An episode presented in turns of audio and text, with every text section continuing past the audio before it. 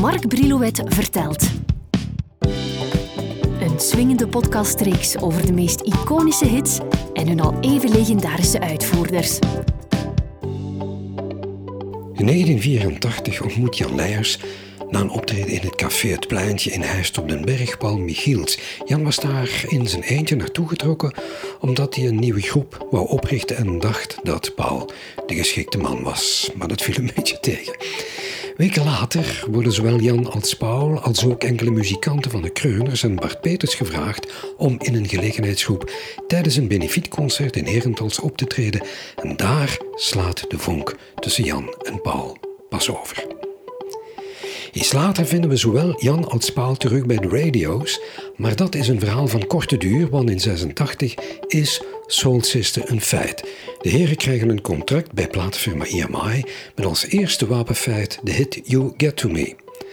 Nadien worden er nog een aantal singles uitgebracht, maar het is wachten tot The Way To Your Heart vooraleer er sprake is van een echte grote doorbraak. The Way to Your Heart verdient de nodige tekst en uitleg en om te vermijden dat die babbel hier aan tafel uit de hand loopt en om ieder voldoende aan bod te laten komen, mag eerst Jan herinneringen bovenhalen en nadien Paul. Kwestie van het voor u thuis natuurlijk ook een beetje duidelijk te schetsen. Ik had eerst al in de strofe, dus het refrein had ik nog niet. Dus ik had van, jongens, uh, ik, ik heb een idee voor een nieuw nummer in repetitiekot. En ik speelde dat voor. Woke up this morning with my heart on fire. En dat ging dan tot heaven, it was heaven, now I know I seen the light, make it go and shine in. En dan kwam er zoiets heel... Toep, toep, toep. Maar, dat ging zo niet naar die lift van... I keep on searching for a way. En de rest zo, ja, ja, ja. Ik weet dat de, de eerste akkoorden... Ik weet niet waar ik, wat ik ging doen, maar ik zat in de auto tussen Boeghout en Hoven. Dat weet ik nog wel. Toen ik die woke up this morning with my heart on fire. Dat, dat schoot mij gewoon te binnen. Die dingen schieten nu gewoon te binnen. Meestal in de auto. Ik heb heel veel ideeën in de auto. Of op het toilet. heb ik ook heel veel ideeën. Dus een, auto met een toilet en ik zou dubbel zoveel nummers kunnen, kunnen schrijven. En dan um, hebben we dat uitgewerkt uh, aan de piano. Pepe kwam toen heel dikwijls naar uh, Boeghout, woonde ik toen. In een, uh, ik had een verdieping ehm, daar woonden we van, van, van zo'n hele oude, schoon villa. En, en beneden woonde Karel Vingerhoets en Anne. En Pepe die kwam twee, drie keer in de week naar Boeghout om aan de piano aan, aan, nummers te werken. En daar hebben we dat, uh, die eerste basis zo'n beetje uitgewerkt, maar we, hadden nog geen refrein. En ik weet dat ik daar heel, heel lang met, met geworsteld heb. Ook, ook met een tekst. Ik had heel snel zo het begin van Woke Up This Morning. Maar dan, ik, eh, wat dat ze noemen, uh, third verse hell. Dus je, schrijft de strofe en die tweede strofe ook. En dan komt het refrein. En dan moet er terug een strofe. En waar heb je het dan in godsnaam over? Van, ik heb het eigenlijk al gezegd, maar, maar ik weet dat ik daar heel, heel lang uh, uh, mee geworsteld heb. Maar op een dag was het toch af.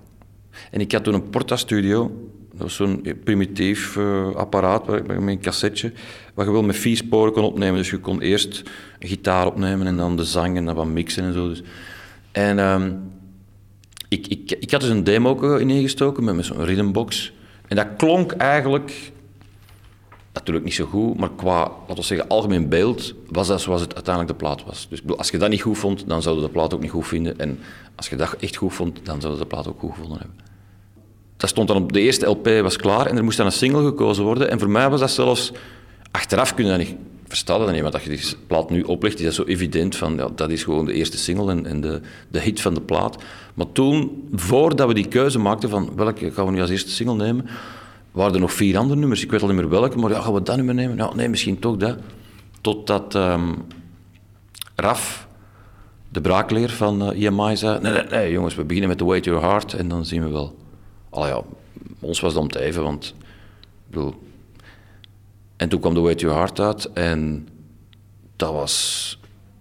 Als ik er nu op terugkijk... Weet als de eerste keer iets gebeurt, dan denk je van... Ah ja, zo gaat dat dus.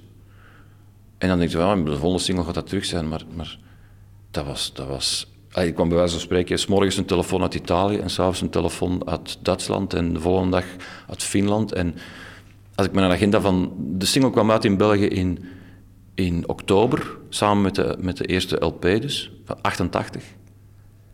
En in het buitenland direct na nieuwjaar, van 89 dus, begin 89. En ons eerste optreden in het buitenland, tv-optreden, was ehm, de dag na de lancering van VTM. We speelden eind januari was het openingsfeest van VTM, daar speelden we. En toen zijn we direct op de bus gestapt, naar München gereden. Eh, dat vonden we een geweldig avontuur, van naar München rijden om daar in een tv-studio. Maar de rest van 89, als ik die agenda bekijk, dat is, dat is echt uh, maandag in Praag en dan van Praag naar Bari en dan van Bari naar... naar um, ik denk niet dat ik, dat ik vijf dagen thuis ben geweest in 89. En dan komt daar plots The Way to Your Heart. Dat is een, een vreemd verhaal, maar toch echt een echt verhaal dat echt waar is. Jan woonde toen in de Heuvelstraat in Boeghout, recht over de Sphinx. En hij woonde daarin op een boven van, van een, een herenhuis, uh, gelegen in een schone tuin. En op die zolder ervan, daar waren wij aan het knutselen, aan liedjes.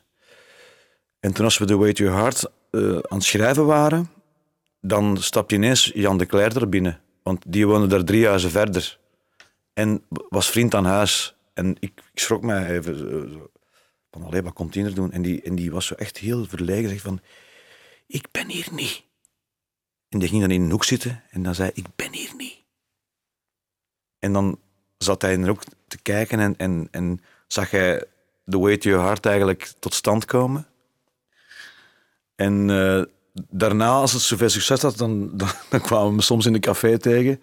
En dan zei hij, ik was erbij, ik was erbij. Dus echt uh, Jan de Cler, uh, op die manier, dat is echt een, echt verhaal. Hè. Hoe gaat dat als je zo'n nummer schrijft? Maar in dit geval?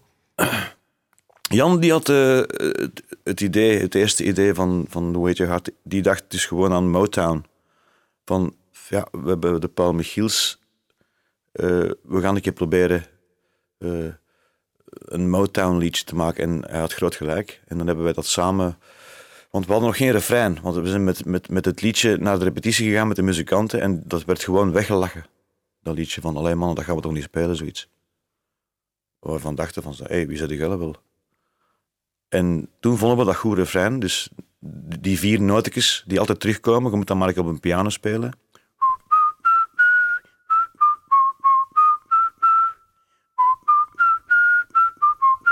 Het zijn maar vier noten.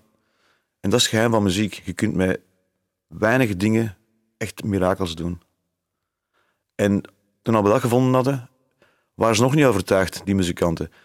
En dan is die plaat uitgekomen en dan merkten we als we een promotietripje deden naar Wallonië, want daar is het liedje voor het eerst echt opgevangen. Uh, van, die hebben gezegd tegen ons, jongens, dat is een wereldhit. En wij, dat wist, wij wisten het zelf niet. En dat was een, een, een, een uh, promotieoptreden, ik weet het nog goed, in Luik, voor tv. En die zeiden tegen ons van, dat is een wereldhit. En dan inderdaad, een paar weken later, was dat er gewoon op alle zenders. Jan, hoe raakte die plaat in Amerika? Iemand in New York had dat gehoord en um, ja, die zei van, wauw, ja, The Way to Your Heart, dat, dat, willen we ook, uh, dat willen we ook direct doen. Uh, Ging dat daar snel? Ik weet dat we met Clouseau speelden in Koekelaren of Roeselaren, ergens in de Vlaanders. En dat we daar telefoon kregen van, uh, ja, Amerika gaat, gaat het uitbrengen. Direct wild feest in de kleedkamer. En, uh, en toen hebben ze het uitgebracht, ook in oktober dan, 89, een jaar na België.